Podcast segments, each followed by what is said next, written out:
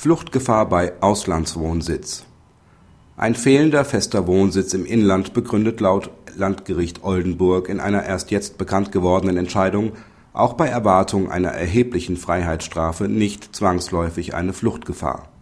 Das LG hat einen Haftbefehl aufgehoben, der sich gegen einen in Litauen wohnhaften Beschuldigten richtete, gegen den ein dringender Tatverdacht bezüglich der Begehung von BTM-Straftaten bestand zwar sei es im Allgemeinen ein gewichtiges Indiz für das Vorliegen einer Fluchtgefahr, wenn der Beschuldigte über keinen festen Wohnsitz im Inland verfüge, im entschiedenen Fall bestünden aber keine konkreten Anhaltspunkte dafür, dass sich der Beschuldigte dem Verfahren entziehen wolle. Er verfüge im Ausland über einen festen Wohnsitz, wo er sich regelmäßig aufhalte. Außerdem habe er dort Familie und gehe einer Erwerbstätigkeit nach.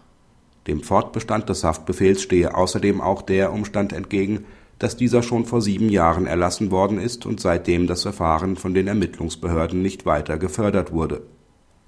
Ausblick Die Entscheidung zeigt, dass die Indizwirkung eines fehlenden inländischen Wohnsitzes für die Fluchtgefahr durchaus auch widerlegt werden kann. Sie macht Hoffnung für viele vergleichbare Fälle